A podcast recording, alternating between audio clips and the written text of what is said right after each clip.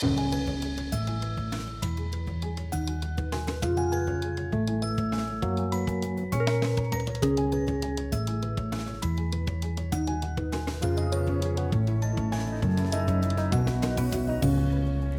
ny generasjon som ikke selv har opplevd verken okkupasjon eller etterkrigsoppgjør, står usikker og spørrende overfor dette omstridte avsnitt av vår historie.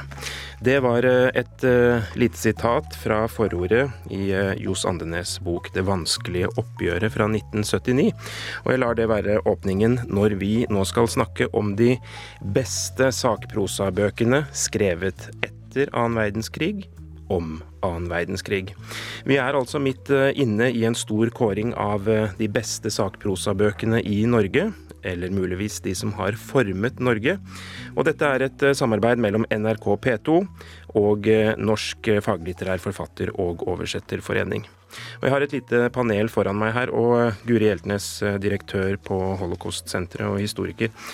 Når man sitter her i NRK og jobber med litteratur, så får man jo nærmest eh, daglig nye bøker som forsøker å kaste lys over hendelsene i Norge under andre verdenskrig. Er vi liksom i nærheten av et eh, komplett bilde av disse hendelsene?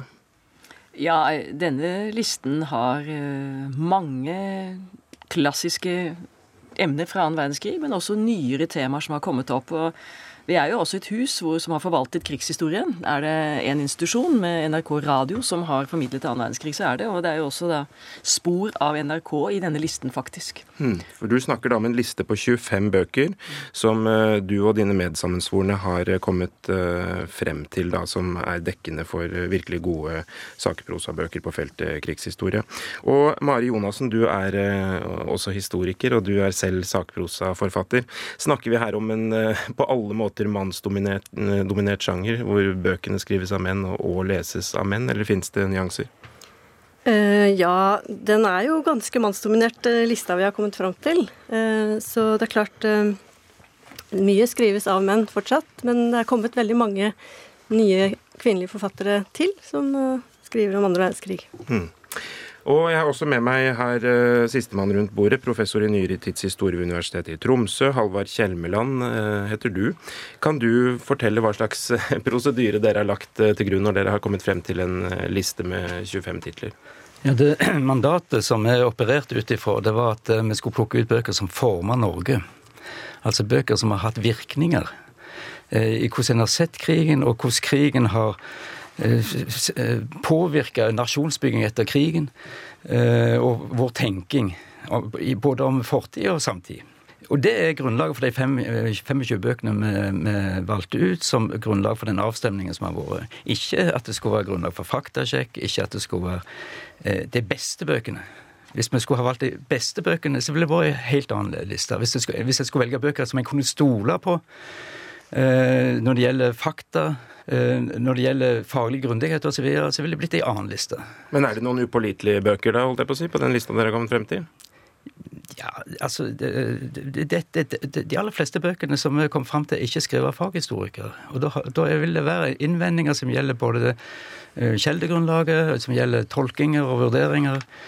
Så jeg kan bare nevne ett eksempel. Kjell Fjørtoft sin bok eh, fra 1984 som heter 'Vi fikk vår frihet' den var veldig viktig, for den skapte en stor debatt.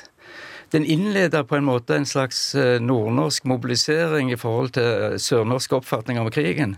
Men den er problematisk når det gjelder eh, enkeltopplysninger som er gitt der, og tolkinger som er gitt der. Men hva, tenker da, hva, tenker du på da spesielt som er problematisk? Nei, Det var store diskusjoner både om uh, Bergkompaniet som kom til Norge, og det var diskusjoner om regjeringen Nygaardsvold sin politikk i forhold til Finnmark osv.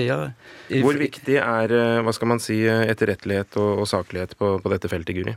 Det er jo kjempeviktig. Og eh, det denne listen, eh, disse 25 bøkene, viser, er jo at, eh, at mange av de som har bidratt til, på nye felt, er journalister.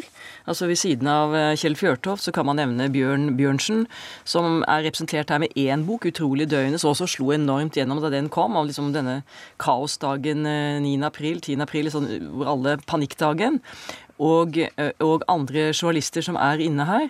Eh, til og med Christian Ottosens fangebøker, som har liksom en enorm betydning, og de er jo ikke dokumentert med fotnoter. Dette er jo noe med sakprosans utvikling også. I dag skriver jo ingen journalister bøker om annen verdenskrig uten foto. Se på Asbjørn Jaklin, som eh, er med på listen vår og produserer nå jevnt og trutt fotnoter, referanser. Det er en helt annen sjanger etter Karsten Alnes-saken. der vi, Siden vi nå er i regi av Norsk faglitterær forfatter- og oversetterforening, så var det en stor sak, så er det jo ikke noe forlag som tør å gi ut den type bøker om, eh, om krig, men også biografier, uten at det er fotnoter, referanser og kilder. Det, det kan du se på biografisjangeren. Den er blitt profesjonalisert. Eh, det er sakprosaen allment, så vi ser spor her. Og det gjelder krigshistorien allment. Mm. Når det gjelder den boka du nevnte, Asbjørn Jacklin, eh, 'Nordfronten Hitlers skjebneområde' fra 2006, kan du knytte et par kommentarer til den? tror jeg at eh, kanskje Halvard, vår venn fra Tromsø, har lyst til å si noe om den. Eh, jeg syns at Jacqueline er interessant som forfatter, fordi at eh, han satte Nordfronten på agendaen den gangen. Men jeg spiller ballen over til deg, Halvard.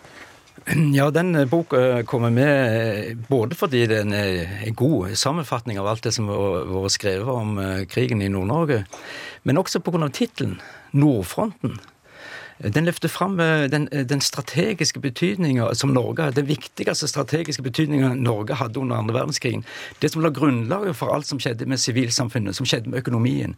Det handler om strategi. Det handler om, eh, om eh, mobilisering mot Sovjetunionen i nord. Det handler om hvordan hele samfunnet ble transformert som følge av dette. Ehm, så, så, Den boka står som representant for det perspektivet som nå ligger til grunn for et stort nasjonalt uh, forskningsprosjekt som er ledet fra vårt universitet i, i, i en krig med, i en, Norge i en, krig, i en total krig. Uh, der nettopp dette strategisk uh, ligger til grunn for måten jeg ser hele krigen på. Og dette her er jo, dette er jo ikke noe som Asbjørn Jacklin liksom oppdaga. Dette lå jo også i faglitteraturen fra før. I Olav Riste sitt eh, verk eh, om, eh, tobindsverk om London-regjeringen fra, fra 70-tallet. Som også er på lista her. Som også er på lista, ja. og bind åtte av dette verket som også står på lista om, fra midt på 80-tallet om Norge Eh, Norge i krig. Mm. Og Hvis jeg forstår Hjeltenes Hjeltnes og Kjelmeland her uh, riktig, så har dere lagt dette kriteriet om at bøkene skal ha formet Norge til, til, grunn. og Det er jo en forklaring også på at det er en del eldre titler, og kanskje også en forklaring på at f.eks. Ida Jacksons 'Morfar Hitler og jeg' ikke er med, eller Marte Michelets bok 'Den største forbrytelsen'. Vi har jo latt enkeltbøker stå som representant for, noe, for et større felt. Ja. Har du et eksempel? Eh, ja, f.eks. Eh, den boka eh, til Lise Lindbekk, 'Tusen norske skip', som er jo den første boka som gikk i masseopplag om, om krigsseilerne. Der har det kommet viktige bøker etterpå. Og ikke minst, for å framheve Guri Hjeltnes, dette store verket om handelsflåten i krig fra 90-tallet. Men vi tok den første. Men jeg bare stille spørsmål. Dette blir litt åpent og upresist, ja. men her sitter det jo tre eh, svært kompetente historikere. Er det noen titler her som enten er kommet inn eller falt utenfor, som på en eller annen måte belyser noe slags spenningsfelt mellom dere, eller noe dere er reelt uh, uenige om uh, verdien av? Jeg liker, liker den stillheten der. jeg syns egentlig dette er et utrolig bredt og fint uh, felt. Vi kan jo kanskje snakke om enkelttitler titler nede på listen. Vi skal vel snakke om de fem på topp etterpå. Mm. Men uh, for eksempel så var det viktig for oss i gruppen å velge noe av Ragnar Ulstein. Og jeg kan jo starte ut med å si at jeg syns det er morsomt å ha med Ulstein. Han lever ennå. Ikke sant? Og han, han, han ikke sant, født Han er jo mange og 90 år, og han er representert med tre bind om svensketrafikken. Vi kunne valgt andre bøker. Vi kunne valgt Englandsfarten. Vi kunne valgt andre. Men poenget er at Ulstein har sparket opp noen temaer den gangen som man på en måte ikke kunne øyne ville få verdi. Nå har det nettopp kommet ut et stort verk om jødene ved Bjarte Brulands, eh, Det norske holocaust. Og hva har han gjort? Jo, han har sittet på Norges hjemmefrontmuseum og gått gjennom intervjuene til Ragnar Ulstein. Ragnar Ulstein og hans Wilhelmine kone de kjørte rundt med campingvogn helt opp Helgelandskysten, intervjuet motstandsfolk. Så forteller jo Ragnar Ulstein at han når han kom, kom for inn ved skogen i Sverige da han var der, da, så var ofte mannen på Tømmerhogst eller noe sånt, så snakket han med kona, så viste at hun var en god kilde når det gjaldt grensetrafikken. Og så spurte han jo om sånne helt ting om menn og kvinner og hvem det hjalp. Så spurte han alltid om jødene. Så det har jo vært altså, det er biprodukter av hans store arbeid. Altså, han har jo intervjuet flere tusen, eh, og han har løftet fram eh, mennesker som ikke har vært store, kjente motstandere, som deltok i lostrafikken. Og det er, det er det med svensketrafikken. Du har flyktninger til Sverige i tre bind. Altså, først er det flyktninger til Sverige eh, de første tre årene, så er det de siste to årene av okkupasjonen, og så er det det tredje bindet er om flyktninger fra Trøndelag og Nord-Norge. Så dette, er, dette, har vi valgt eh, fordi hans forskning fortsatt lever. Mm. Og hvis jeg kjenner eh, produsent Silje Biermann rett, så har hun klart å finne frem et eh, lite klipp med Ragnar Ulstein fra NRKs arkiv, hvor han kaster lys over eh, dette arbeidet. I motstandsrørsla vår under krigen hadde vi disse redningsfolka. Vi kalte dem loser, og losen det er alle disse som fra det øyeblikk et menneske flykter, forsøker å berge dette mennesket fra Gestapos eller statspolitiet sine hender. En kunne godt kalle det klør, for de bruker klør. Og får de videre til sikker skjuleplass i første omgang, skaffer de mat, klær, falske pass, transport østover, stadig østover, til denne lange, magiske grensa som ligger mellom Norge og Sverige, det frie landet på østsida av oss og denne trafikken østover av flyktende mennesker, skare etter skare, hundre etter hundre, tusen på tusen, til slutt snart 50 000. Uh, I denne skaren, i disse gruppene, der har vi alle disse losene, redningsmennene, som fører gruppe til gruppe, år etter år, så lenge krigen varer. Ja, Da gir jeg ordet litt fritt rundt bordet. Er det andre titler som utmerker seg på denne langlista? Mari Jonassen? Det er jo én bok som jeg tror irriterte historikerne ganske kraftig da den kom. Eller det ble i hvert fall en ganske stor diskusjon rundt den, og det var Anne Eriksen. Det var noe annet under krigen. Andre verdenskrig i norsk kollektivtradisjon. Eh, og hun, hun tok jo opp dette med mytene, hvordan disse mytene ble skapt. Og hun brukte teorier fra Barth og andre teoretikere for å finne en annen inngangsvinkel på, på dette temaet med andre verdenskrig. Og dette med de, de, gode og de onde. Hun skriver nå om veien fra kjøkkenfronten til hjemmefronten ble, var, var, belagt med binders og god jøssingånd. Altså det er noe med at det skjedde noe med eh, det vi, det, altså Fakta om krigen den ble på en måte forandra over i myten om krigen.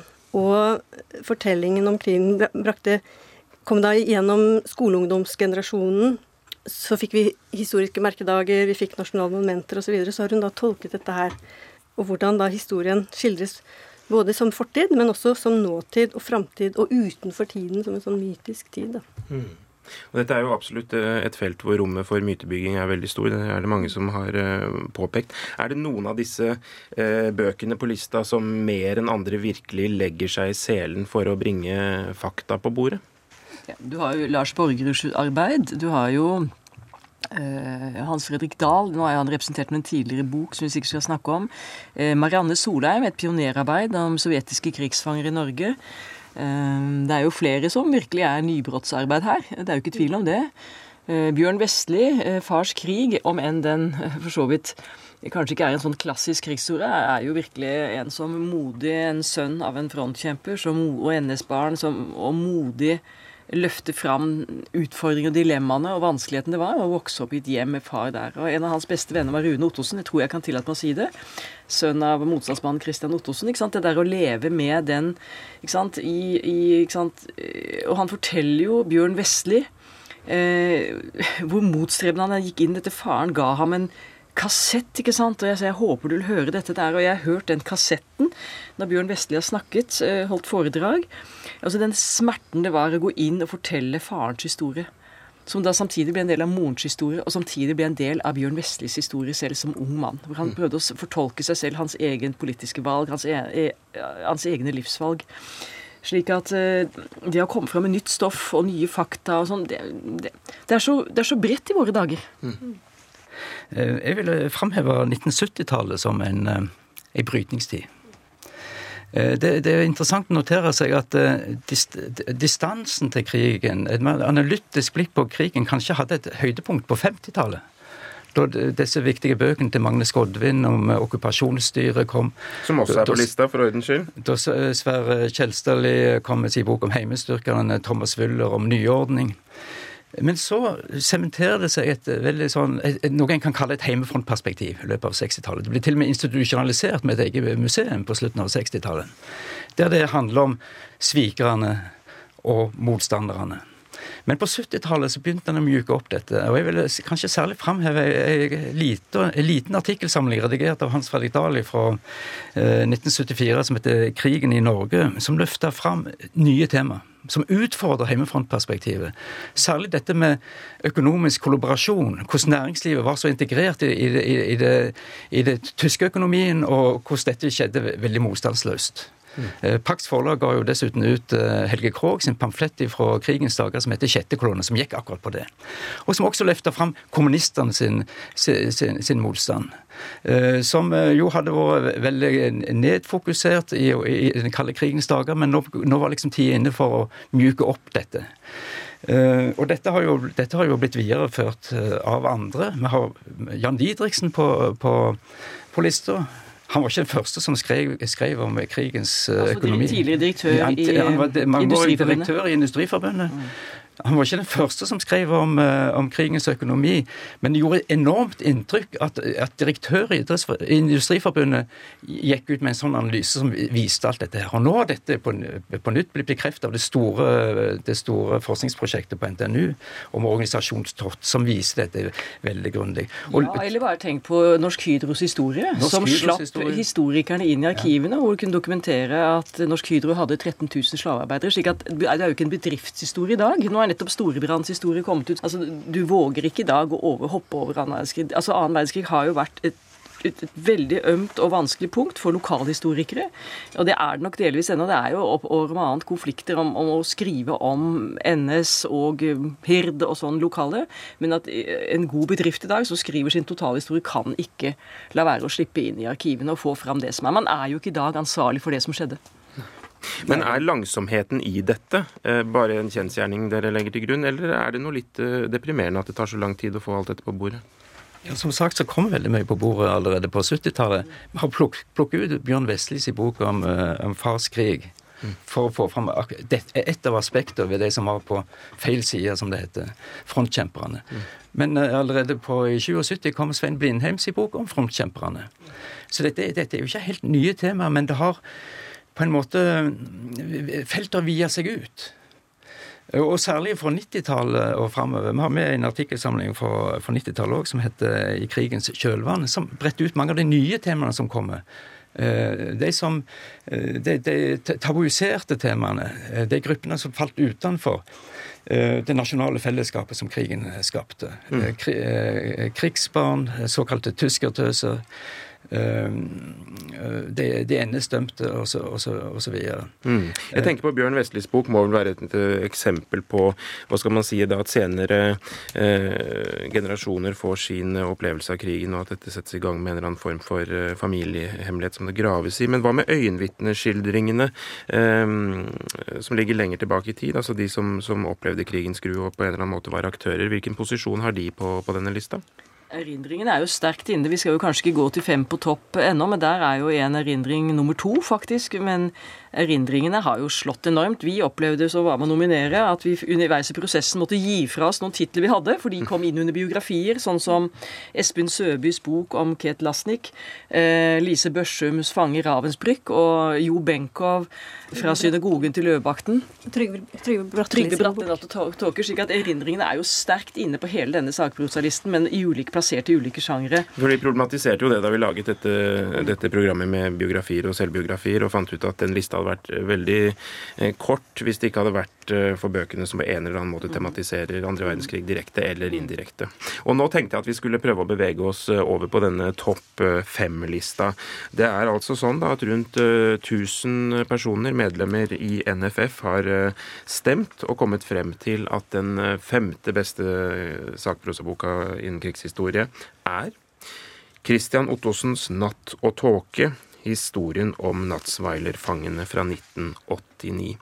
Og da har vi et uh, klipp hvor Christian Ottosen svarer på om det var vanskelig å skrive denne boka.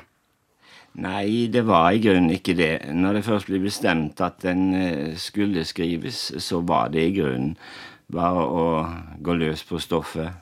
Jeg må jo si med det, det, har jeg sagt til alle mine venner, det er jo ikke noen hyggelig bok, nettopp. Men det en, det, jeg tror den er dekkende for de faktiske forhold. Mm.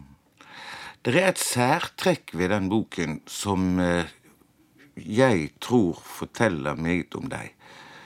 Det er det at det midt oppi alt det gruoppvekkende er det en nøktern bok, der mange mennesker får komme til orde. Omtrent den eneste vi ikke ser i boken, det er Christian Ottosen. Det er vitnet.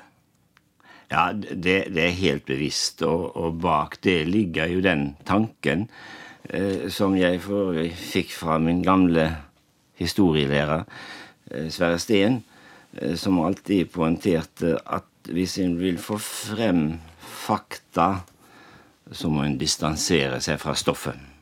Så det er det som ligger bak. Jeg skjønner, jeg skjønner det, men jeg syns det forteller noe om deg òg. Det er så vidt, helt til slutt, er det som i en av disse Hitchcock-filmene, der Hitchcock selv et lite øyeblikk viser seg. Og sånn er det her òg. Det gjør veldig sterkt inntrykk. Å, jeg viser meg nok flere steder enn helt på slutten, men det, det får man jo finne ut av. Ja, det må jo være en liten oppfordring til alle våre lyttere å finne ut av det helt selv. Det var altså Christian Ottosen der som ble intervjuet av eh, Brikt Jensen. Eh, vi snakker her om boka 'Natt og tåke' eh, fra 1989. Og er det noen som kan kaste litt lys over den boka rundt bordet her? Mari Jonassen? Ja, den boka ble vel til som et slags resultat, tror jeg, av at han begynte å jobbe med dette fangeregisteret i 1987, altså to år før han kom ut med denne boka. Og, og, boka er jo også litt preget da av dette arbeidet, for han har jo lange lister da over de som I alle de bøkene Han kom jo ut med mange bøker i løpet av veldig kort tid.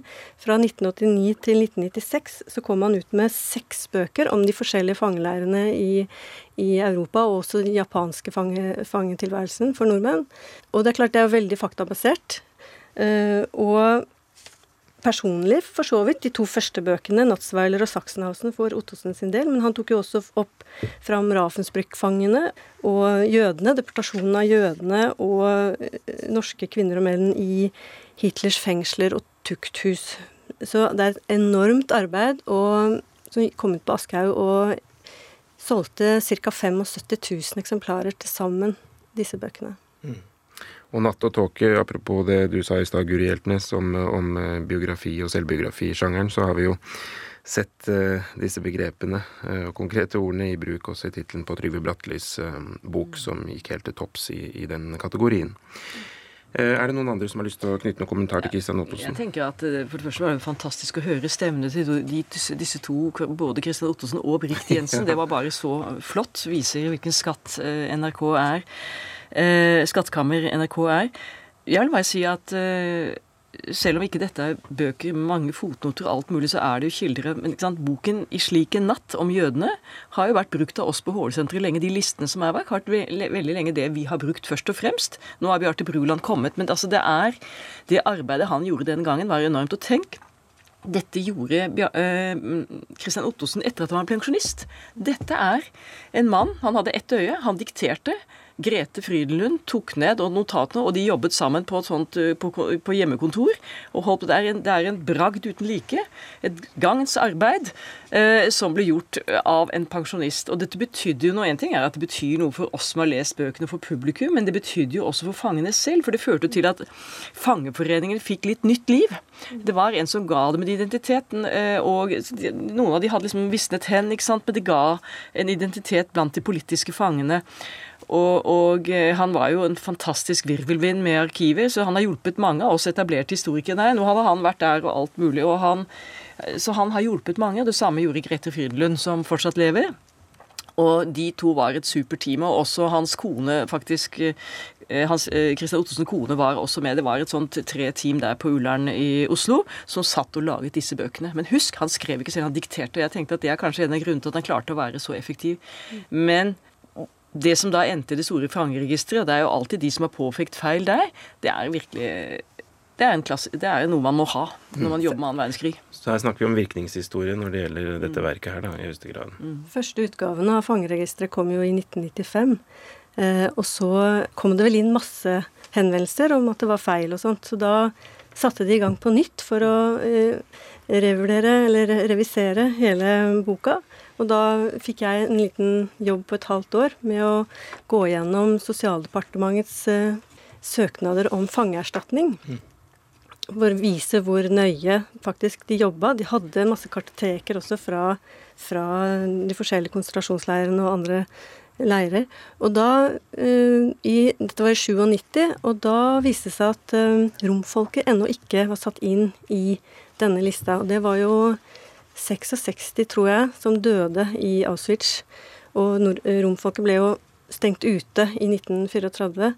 Uh, og det var forskere hos oss på HL-senteret som grav fram det, og da er det nå med. Ja. Altså Av de 66 bare overlevde fire. De kom altså til Auschwitz. Mm. Så dette er et bilde som stadig ja. fylles ut. Ja, seg hør og bør, får man si. Eh, og Halvard eh, Kjelmeland, er denne femteplassen her, er det en bok som lever opp til dine kriterier? Ja, Kristin Ottesen hører jo med her. Uh, da, blir det litt vilkårlig om vi velger den ene eller den andre. Uh, men det er jo et fantastisk uh, imponerende kartleggingsarbeid han har gjort. det hadde virkning i samtida. Og det er på en måte, det springer ut av den interessen for fangehistorie som lå der i utgangspunktet. En av de bøkene som ikke fikk plass til på den lista, var Oskar Magnussen, 'Jeg vil leve', fra begynnelsen av 60-tallet. Den gjorde et kolossalt inntrykk på meg. Og det kom flere fangebøker som var inne på. Nå kartlegger han dette, systematiserer det. Det ble stor lesning i seg sjøl, men det er også et fundament for framtidig eh, forskning, f.eks. For på motstandsarbeidet. Hvordan den fordeler seg geografisk, kjønnsmessig, sosialt osv. Så dette, han fortjener absolutt en plass på lista. Mm. Da skal vi gå over på, på fjerdeplassen. Den boka har fått 16 eh, eh, av stemmene. Og det er uh, virkelig en pionerkvinne det er snakk om på, på denne plassen. Det er forfatter Lise Lindbekk og hennes bok 'Tusen norske skip'. En antologi over norske sjøfolks innsats i den annen verdenskrig. Og boka er da fra 1945. Og um, ja, Hva preger en bok som da er gitt ut så kort eh, etter at eh, andre verdenskrig var over? Det var jo bare eh, et Den ble jo, kom egentlig ut i 1943. Det er jo flere grunner til at vi valgte å ta den inn, for vi ville jo ha fram sjøfolkene. Det er jo at hun var en av de første som rapporterte. Den kom i New York. Det andre er, syns jeg som historiker, at det faktisk var Nortraship som, som med forord av Øyvind Lorentzen skipsfartsdirektør. Den er gitt ut av det som het Norwegian Shipping and Trade Mission, altså med eh, telegramadresse Nortraship. Og dette er tankevekkende på de vi tenker på den konflikt som dukket opp etter annen verdenskrig om Nortraships hemmelige fond. Det som er i denne boken i Lise Lindbekk Hun får inn, er i New York, hun er journalist, eh, blir kapret av Nortraship. Hun møter sjøfolk, hun er og hører på sjøforklaringer. Det er i denne boken vi første gang får sjøforklaringen etter SS Blink, som er en dramatisk historie. Et skip som ble senket i februar 1942, rett etter at USA har kommet inn i krigen, og det er ikke noe beskyttelse på østkysten i USA. Hvor du har en sjøforklaring som beskriver De blir sittende i en livbåt med vann til livet. De satt på toftene, og den ene etter den andre blir sinnssvak og døde, som det heter der. Men hun beskriver også hvordan sjøfolkene i det um, internerte Nord-Afrika var, og hun får sjømenn til å skrive. Så det er en bok som da den ble utgitt igjen i 1945, vakte enorm oppsikt. Og det er litt tankevekkende at sjøfolkene har blitt sett gjennom tiårene, men det har gått i bølger. Men den ble gitt ut faktisk med støtte fra Nortraship i New York i 1943. Mm. Og det er utrolig hyggelig, syns jeg, som, som, har skrevet om sjøfolkene, at, at, den er stemt inn så høyt oppe. Mm. Vi snakker altså om Lise Lindbekk, eh, som ble født i 1905, døde i 1961, og da har status som den første kvinnelige utenrikskorrespondenten i norsk eh, presse. Noen andre som vil si noe om akkurat denne boka vi snakker om her? Jeg kan jo bare nevne at uh, i det prosjektet som jeg jobber med nå, så har jeg brukt uh, Lise Lindbekk sin uh, artikkel om kvinnene i den norske handelsflåten Eh, hvor hun forteller da bl.a. om salongpiken eh, Helga Aabel, som eh, kjørte i dødskonvoiene på Middelhavet. Og 19.1.1942 så ble skipet angrepet, og hun var akkurat ferdig med å stelle i offisersmessen da angrepet begynte. Det ble en fulltreffer. Hun ble, kom seg om bord i en livbåt. Der måtte hun holdes fast fordi hun var i sjokk. Hun ville ut av båten. Eh, da hun kom til seg selv igjen, så lå hun på et sykehus i Alexandra med et stort sår i hodet og det ene beinet nesten revet av. Nei, men vi, lot jo denne boka stå som representant for ei svært viktig gruppe. Kanskje den viktigste gruppa når det gjaldt eh, norsk deltaking på de allierte sin side. Eh, men det er klart andre bøker kunne vært valgt. Eh, vi kunne valgt eh, 'Hver tiende mann måtte dø' av Per Hansson fra 1967. Den gikk òg i kjempeopplag, og den kom etter at diskusjonene om Nortraship-fondet eh, kom. Og så, har det kommet veldig viktige arbeid senere som vi har vært inne på. Så jeg syns det er veldig bra at den gruppa som gjorde den store innsatsen i, i, i Norges kamp sammen med de allierte, kom med blant, blant de fem, da. Mm. Og da slår vi rett og slett fast at Lise Lindbekk eh, har sin velfortjente plass på denne lista, og så går vi altså over på bronseplassen. Og der eh, ruver det da en bok eh, med en flott tittel som Jeg er nok ikke den eneste ungdomsskoleeleven som har latt seg bevege sterkt av akkurat denne boka. Det er snakk om Per Hanssons bok 'Og tok de enn vårt liv'. Og vi skal høre Per Hansson redegjøre for utgangspunktet for at han valgte akkurat denne tittelen. Den er hentet ut, hentet ut ja, fra den gamle salmen, Luthers salme 'Vår Gud, han er så fasten borg'. Og tittelen uh, kommer direkte fra, kan man si, fra krigens tid og Peder Morseths virke som, som kirkesanger i den eldgamle kirken oppe i Selbu. Siste gang han talte til menigheten der, det var i 1942. Da sto han fremme i kordøren, og han leste nettopp da det verset som sin avskjedstale, kan man si, til den sognelyden og til det bygdefolket som beundret ham så høyt. Ja, Hvilken uh, historie er det som fortelles uh, i boka 'Og tok det igjen vårt liv' fra 1964 av uh, Per Hansson og om Morset-brødrene? Vi valgte denne, bare for å si det, for vi kunne også valgt uh, hans bok om krigsherren. Vi valgte denne, for den kom først, og han åpnet for en sjanger, den dokumentariske beretningen, som kom til å få store publikum. Og tittelen hans var jo helt fantastisk, ikke sant. Uh, hver tiende mann måtte dø, men denne, og tok det igjen et liv, det er, det er en sånn strålende tittel. Dette handler om Morset-familien. Om Peder Morset, ektefellen Marit og sønnenes innsatt og kamp mot okkupasjonsmakten. Og datter til bonden, Marit var datter til bonden på Stuggedal og gifte seg med Peder Morseth, som var lærer og klokker og var i det lokale overformynderiet. Og det er eh, hvordan denne familien tok turer over for eh, svenskegrensen, eh, fraktet radiosendere mm, med våpen vedlagt, risikerte dødsstraff. Og på flere turer så bar han altså eh, denne lasten bare på ryggen ni mil om gangen. Det er en sånn familiehistorie. Og, eh, og mm, den slo enormt an. Altså Det var å gå inn dokumentarisk. Det er sjangeren. ikke sant? Og han, Du skriver, leser forordet i dag, så smiler du litt om hvilke kilder han har brukt. Han har brukt andre bøker, men han intervjuet jo folk. ikke sant? Dette er den gode journalisten Per Hånsson som for så vidt da var fra Kragerø, og som senere da skrev også om krigsseilerne. Så han, han var journalist, var i Dagbladet, hadde gjennomslagskraft. Han opptrådte i NRK sammen med Per Øyvind Heradsvedt, snakket krigsseilernes sak. Hadde, dette er journalister som, som gikk i bresjen for å formidle til det brede publikum om annen verdenskrig. Har du blitt grepet av denne boka, Alvar Kjelmeland? Ja, det var i boka jeg leste da hun kom, kom ut. Eh, i likhet med svært mange i min generasjon, som er født på 50-tallet. Og den, den, gjorde et veldig stort inntrykk. Uh, og den har fortsatt en verdi i det at den, når, vi kan, når, vi snakker om heimefrontperspektiv og altfor enkel todeling mellom svikerne og heltene osv., så, videre, så skal en, når en raljerer med dette, så skal en ikke glemme at det faktisk var omkostninger ved å drive motstandsarbeid. Og at motstandsarbeid hadde veldig djup Eh, forankring i befolkninga. Og de, de, dette, dette, ligger i Hanssons si bok. Så i dette, denne problematiseringa av det enkle todelinga som en har, og som er helt berettiget, så må en ikke glemme at det også var heroisme. At det var motstand. Ja, og med store ja, omkostninger. Vi burde jo si Store personlige omkostninger. I samme sammenheng kan jeg nevne Hans Christian Eriksens bok om, eh, om partisanene.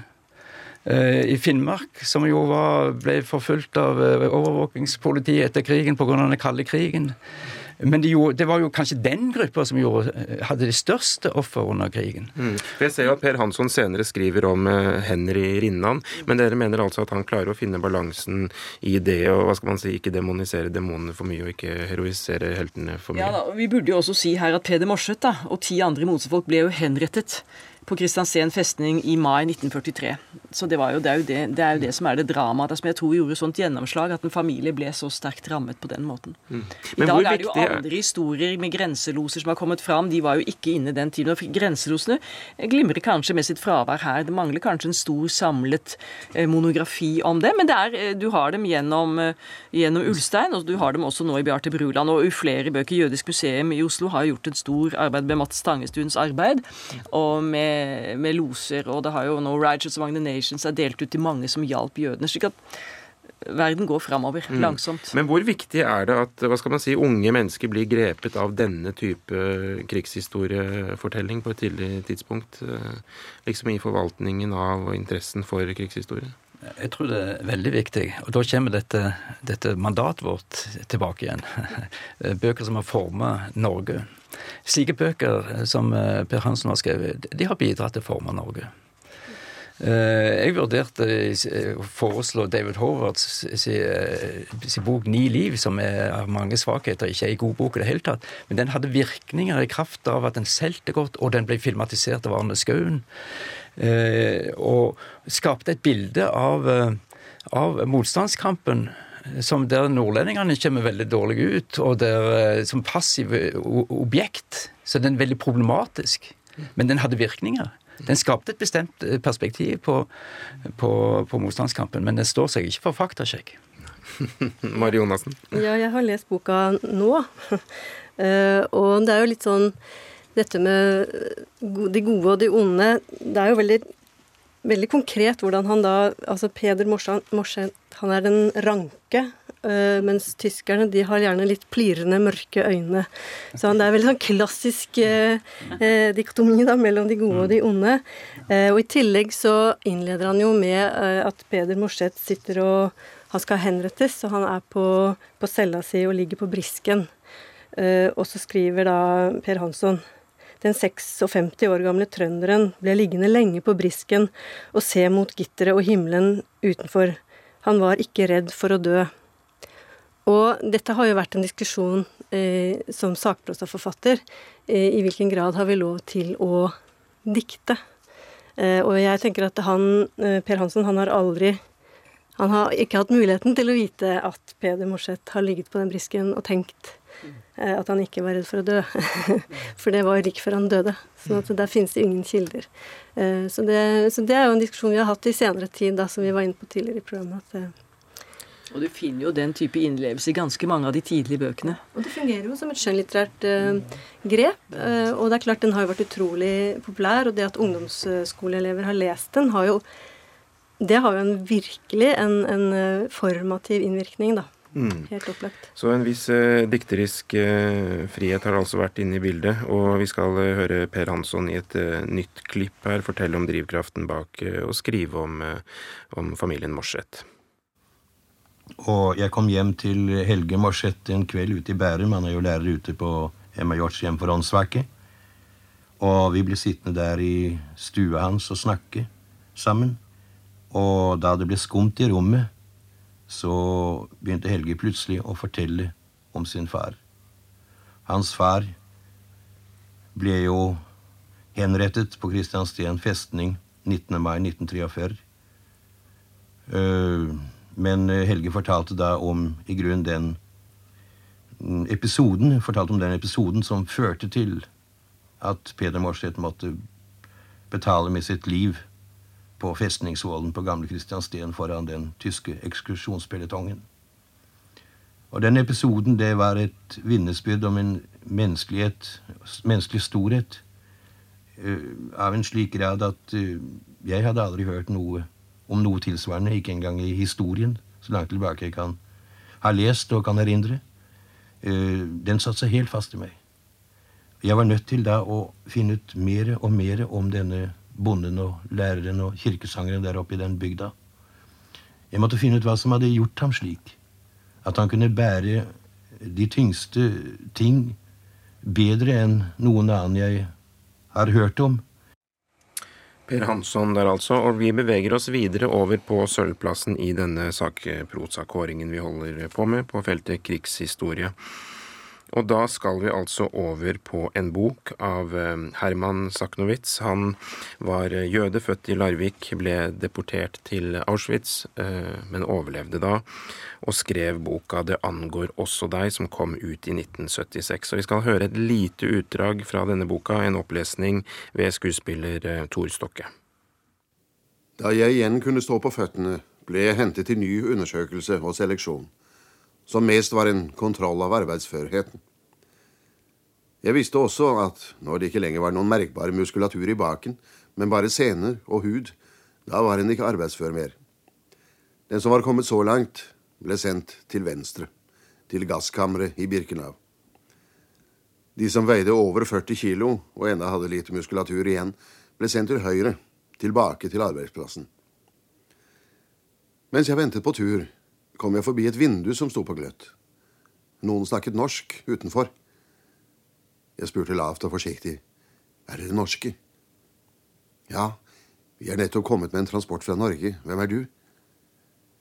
Jeg heter Herman, jeg er fra Norge. Ikke Herman Saknovic, vel? Jo. Det ble stille en lang stund. Så kom det. Du, Herman. Søstrene dine Rita og Frida, var med på vår transport.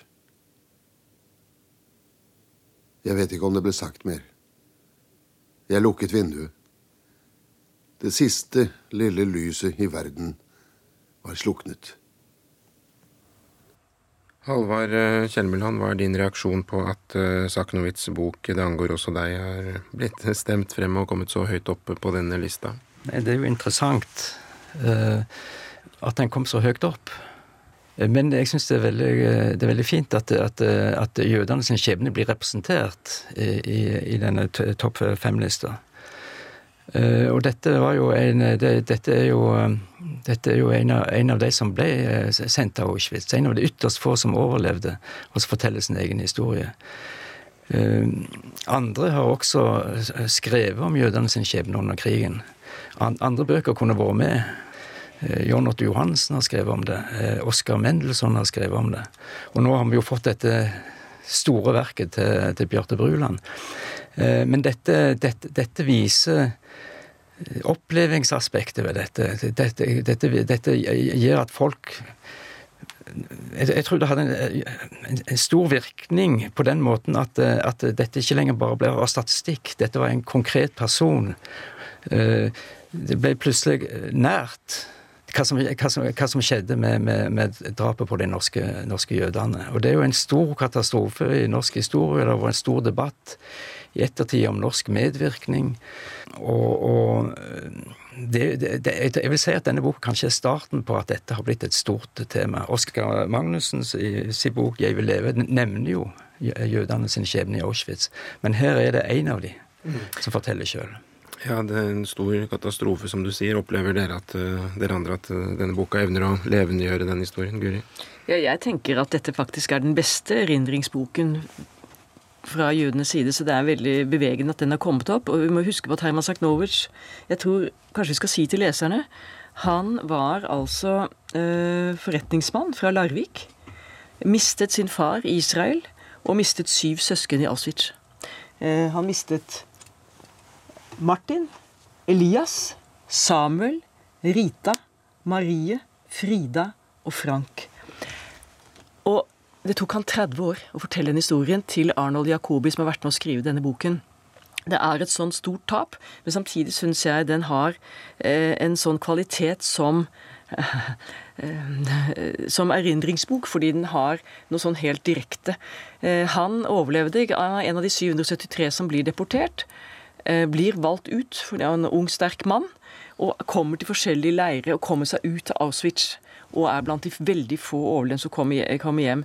Eh, jeg tror ikke den boken hadde kommet og blitt stemt inn eh, av det faglitterære kollektivet eh, for 20 år siden. Det at jødenes historie og skjebne er nå så høyt framme i offentligheten, syns jeg er veldig flott.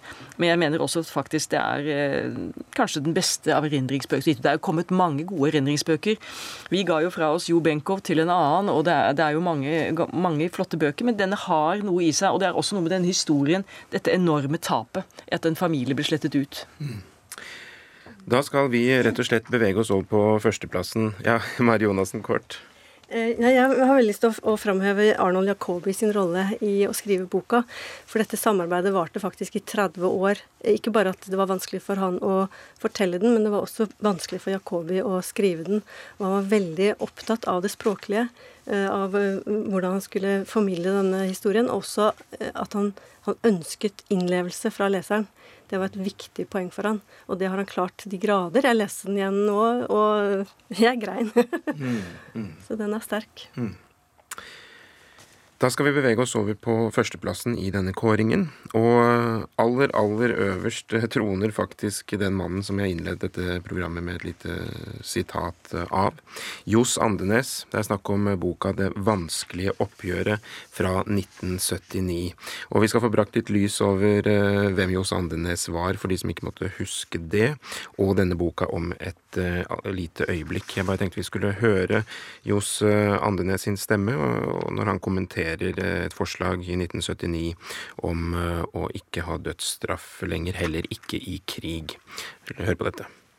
Jeg syns uh, krigens forhold er, et, er andre enn fredens forhold, og det må man innstille seg på. Man uh, må i krigstid uh, gi ordre som man vet vil føre til tap av mange uskyldige menneskeliv. Og som sagt, at, eh, at eh, forræderens liv her skulle ha en spesiell hellighet, det har jeg vanskelig for å forsone meg med. Halvard Kjelmeland, eh, denne boka av Johs Andenes er den valgt ut som eh, hva skal man si, en uh, særdeles god bok som står på egne ben, eller um, blir denne førsteplassen en slags hyllest til en betydningsfull mann med mange samfunnsroller over lang tid i Norge? Nei, jeg vil si at den boka står på trygge faglige bein. Det, den er jo skrevet av en aktør i Landsvikoppgjøret. Og, og, en som har et personlig engasjement. Men han har også klart å holde en eh, kritisk distanse. Og det er veldig eh, nyttig, fortsatt et nyttig oppslagsbok som gjelder hele, hele rettsoppgjøret. Eh, så han Selve Landsvik-oppgjøret har jo fått en så prominent plass i diskusjonen om andre verdenskrigen generelt at å ha et sånt standardverk av denne typen, det er svært nyttig. Fordi at det handler jo om kriterier bl.a. For, for hvorfor folk ble dømt. Og dermed handler det også om eh, Norges status som, eh, som, eh, som stat under krigen. Og Senere så har jo dette blitt, blitt ytterligere granska. Det har jo vært et eget prosjekt på Landsvik-oppgjøret på 2000-tallet med Øystein Sørensen, Hans Fredrik Dahl og Ivo de Figureido, som har kommet med nye ting. Mm. Men fortsatt står denne boka seg eh, godt, vil jeg si, faglig sett. Om et øyeblikk skal vi få en kommentar fra dere andre her også, men jeg har lyst til Altså, Jo Sandenes han døde i 2003. Da var han 90 eh, år gammel. Eh, så han får vi da ikke i tale. Men Jo Sandenes sønn Ulf Andenes, journalist, du er med oss, stemmer det? Ja. Ja, Så bra. Hva er din kommentar til at uh, fars bok har nådd helt til topps uh, i denne kåringen av beste krigshistoriebok i Norge, skrevet da naturligvis etter krigen? Nei, Det er jo oppmuntrende å høre for oss i familien. Som de fleste av hans generasjon, så hadde jo krigen satt dype spor hos ham. Og kanskje mer enn mange andre, fordi at han hadde vært med i kampene nesten før, ble såret og satt på Grini. og det var jo ikke mange måneder fra han var fange på Grini og til han var blant dommerne i eh, landssvikoppgjøret. Uh, og jeg husker jo godt når jeg snakket med ham om disse ting, så uh, han tok det nærmest som en personlig ydmykelse, dette som skjedde i 1940, at han da var ute i felten og skulle slåss mot tyskerne, og de var så dårlig forberedt. Det var dette her med aldri mer 9. april, det, satt dypt, altså. Hva betydde det for han å, å skrive denne boka, da? Hadde du noe inntrykk av det? Ja, for dette var jo ting som han hadde gått og båret på gjennom hele sitt profesjonelle liv Han var jo ganske ung eh, til å være dommer i landssvikoppgjøret den gangen, rett etter krigen. Og han eh, så vel på at det var ting der som øh, kanskje han ville eh, ha ønsket å gjøre på en litt annen måte. F.eks. han snakket om at han mente at det var for mange bagatellmessige forhold som ble gjort eh, til eh, saker under landssvikoppgjøret. Og han sa til meg, at, eh, og han skrev også, at det viktigste var å ta lederne og, og bry seg mindre, ikke bruke mye tid, om, tid og krefter på, på, dem som hadde gjort seg skyldige i småtterier. Mm. Men som helhet så sto han jo egentlig veldig fast på det samme, da, tross alt. Eh, og det tror jeg var fordi at han hadde en sånn veldig prinsipielt gjennomtenkt holdning til dette. Og det førte til at under stemningsbølgen rett etter krigen, da, eh, da skjønte jeg da var han av dem som ble kritisert for å tilhøre den såkalte silkefronten. Men så, eh, fordi at han da ikke var tilstrekkelig fast nok i klypa overfor noen av disse nazistene, mente, mente da noen. Men så, da, noen årtier etterpå, da justisminister Ingrid Louise Valle ville avskaffe dødsstraff i krig. Da var han den som sto fram og opponerte kraftig og fikk med seg mange av de gamle veteranene fra motstandsbevegelsen fordi han, for å protestere fordi han sa det gjelder andre regler i krig, for da kreves det av våpenføre borgere at de skal ofre livet, og dette skaper en annen målestokk, og dette var han veldig opptatt av. Mm. Sånn at øh, man kan vel si at mens øh, stemningen i samfunnet omkring ham Eh, skiftet, så sto han egentlig for den samme tenkemåten hele tiden. Mm, han skriver jo det her i denne boka også, at uh, med de mange år som har gått, så har han ikke da i vesentlig grad har det ikke medført endringer i det syn som jeg den gang hadde og ga uttrykk for, som, som han skriver mot slutten her.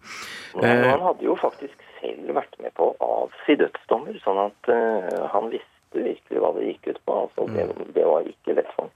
Så han var ikke rigid, men uh, prinsipiell og veloverveid, da, høres ut som. Han var vel en eh, humanist? Ja, han var jo det. Men selvfølgelig, dette var jo på samme tiden som da uh, krigsforbryterne ble hengt i Nürnberg, og det var måten å gå frem på. Dette holdt han fast ved, altså, hele veien.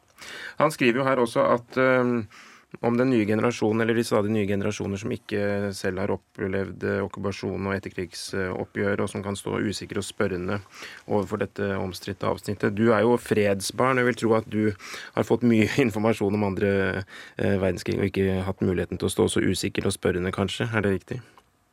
Jo, det kan godt tenke det. Han var jo også veldig opptatt av dette med at noen ble betraktet som forrædere, selv om de ikke hadde brutt konkrete lovparagrafer om bistand til fienden i krig. Og da f.eks. tyskerjentene. Eh, han har jo selv, jeg husker ikke nå i farten om det er i denne boken eller om det var i en av de andre bøkene han skrev, han beskriver seg selv når han da kommer Uh, han er da blitt demobilisert i 1940, og så kommer han da beseiret uh, etter nederlaget så går han gjennom, gjennom byens gater, og så ser han en eh, eh, dame på sin egen alder som da står og flørter med en tysk eh, okkupasjonssoldat i uniform. Og da beskriver han hvordan han ble grepet av et slikt raseri jeg stilte meg opp foran dem og spyttet på fortauet foran dem. Og etterpå så hadde han undret seg over seg selv, at han kunne reagere så følelsesmessig. Mm. Uh, men han uh, fant da ut, når han prøvde å analysere seg selv, at han tok det som eksempel på hvordan folk reagerer i krig, og hvordan atferd oppfattes uansett lovparagrafer, og kanskje særlig der hvor lovparagrafer ikke finnes. Der er det desto større grobunn for Eh, vilkårlighet. Mm. Men Det er jo interessant, for rett etter eh, krigen i 1946 så vedtok jo Stortinget denne berømte provisoriske anordningen som fratok norske kvinner statsborgerskapet med de som hadde giftet seg med en tysk soldat. Og da var jo din far eh, ute i verdens gang det året og sa man utviser ikke landssvikere, ikke tyskertøser og deres barn, bare akkurat denne kategori som har fått sitt forhold legalisert ved ekteskap. Og, eh, eh, og, Han viser jo da til at det var 28 norske eh, menn som hadde giftet seg med tyske kvinner i krigsårene, og de ble aldri truet med deportasjon. Så din far gikk jo veldig raskt etter eh, okkupasjonens slutt ut mot reaksjonene mot f.eks. da kvinner som hadde et forhold til tyske soldater. Mm. Og Der må vi nok dessverre avslutte. Bare ta det du sier, Guri Hjeltnes, til etterretning. Og så overleverer vi rett og slett den imaginære pokalen holdt jeg på å si, for denne førsteplassen til deg, Ulf Andenes. Tusen takk for at du var med. Det var for oss i slekta. Takk skal du ha. Takk skal du ha. Mari Jonassen, da sitter vi altså igjen med, med en liste på en topp fem-liste her. Eh, ser den bra ut, vil du si, etter at den er blitt stemt frem av NFFs medlemmer? Ja, absolutt. Jeg syns det er en veldig representativ eh, liste over fem eh, gode forfattere som har skrevet en ja, varierte temaer, og mm. veldig bra. Halvard Kjermeland, når du ser på denne topp fem-lista, kan du si noe om hva den er uttrykk for? Jeg syns den er interessant. Eh, her er det bøker som handler om eh, landssvikoppgjøret. Her er det bøker som handler om jødene sine lidinger. Her er det bøker som handler om motstand og fangenskap. Eh, den er på en måte litt endimensjonal i forhold til det, den litteraturen om krigen vi har i dag. Det er på en måte et, et bilde som har frosset fast. Så jeg er litt, jeg, de, Hver for seg fortjener disse bøkene en topplassering. Men den gir et litt skjevt bilde av krigen. Den fanger ikke inn alle de andre tingene vi har snakket om. Eh, og det, det er minnehistorisk interessant at det var akkurat de fem bøkene som kom eh, på topp, og ikke noen av disse andre som er mer problematiserende i forhold til, til erfaringene fra okkupasjonstida. Men, de, men de fortjener å komme høyt opp på lista, alle fem. Så det er lidelse og motstand vi vil lese om og i hvert fall bli grepet av, da, Gry Hjeltnes? Jeg syns det er en god fem på topp. Det var vel ikke slik jeg tror vi i denne lille jurygruppen hadde rangert det, så det var veldig interessant. Jeg syns dette er viktige emner. Det at vi har fått med sjøfolkene jødene, motstanden, eh, men også en klassiker. Jeg tenker at de som har votert, har tenkt at dette har vært bøker som har hatt betydning, som har vært formative, mer enn de beste. For jeg tror det vil være, hvis man hadde bedt helt eksplisitt om det, hadde man fått noe annet. Jeg, eh, og motstand og fangenskap er viktig, men det er helt sant at det er andre forskningsmessige eh, felt som ikke er kommet med. Men slik blir det. Ja, og da er det Forfatternavnene kan jeg ta i rask rekkefølge. Det er altså Christian eh, Ottosen, Lise Lindbekk, Per Hansson, Herman Saknowitz og Johs Andenes som da troner aller øverst. Da er dette programmet over. Vår sakprosaserie fortsetter. I dag har jeg også hatt eh, et panel her rundt bordet. Teknikken har vært ved Eli Kyrkjebø og produsent Sille Billmann. Vi høres om en uke.